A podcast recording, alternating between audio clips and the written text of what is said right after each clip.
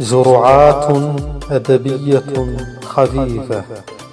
أحاديث سريعة في الأدب والمطالعات والشعر. السلام عليكم ورحمة الله وبركاته. مرحبا بكم في هذه الحلقة الجديدة من جرعات أدبية خفيفة.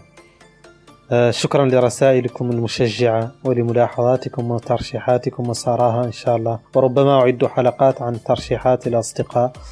الذين رشحوا لي كتبا فأعجبتني أو لم تعجبني أو كتابا أعجبوني أو ذكروني بأشياء كنت آه، لم أتذكرها خلال الحلقات الماضية. فالشكر لهم على أسئلتهم أيضا وعلى المواضيع التي اقترحوها والتي أحب أن نتناولها في هذه السلسلة. آه، سألني كثير من الأصدقاء أن أتحدث عن الأدب عن أهم كتب الأدب القديم. وهي طبعا كتب معروفة. شخصيا طالعت الأغاني لأبي الفرج الإصفهاني وكان كتابا مهما جدا للشعر القديم والآداب العربية وحكايات العرب. وكذلك آه، كتاب الأمالي وكتاب الحماسة لأبي تمام والبيان والتبيين للشاحة لمن يحبون النثر. هذه أهم الكتب التي قرأتها شخصيا وأفادتني كثيرا. ثاني أيضا سؤال عن موضوع الفلسفة. من أهم الروايات الفلسفية التي أفادتني هي رواية صوفيا وقد ذكرتها في مجال الحديث عن الروايات وهي لكاتب أظن أنه نرويجي.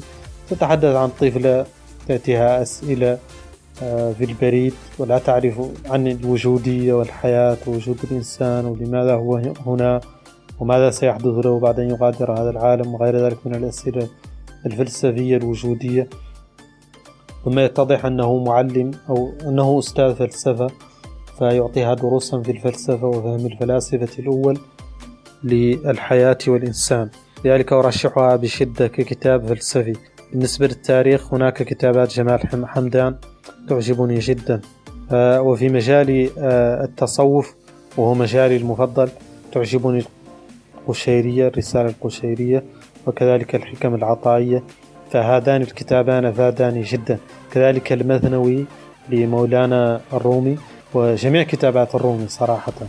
وكذلك رواية قواعد العشق الأربعون وهي رواية أيضا مهمة جدا حسب رأيي لفهم فلسفة الرومي وطريقته الصوفية.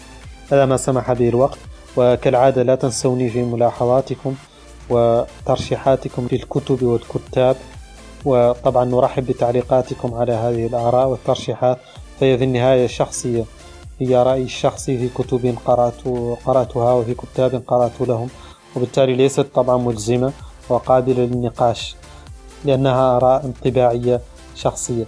شكرا لكم لحسن الاستماع وللأسف البودكاست كما تعلمون لا لا يحب التطويل فلا يجب أن يزيد على خمس دقائق في هذه الجرعات الأدبية الخفيفة. شكرا جزيلا لكم والسلام عليكم ورحمة الله وبركاته.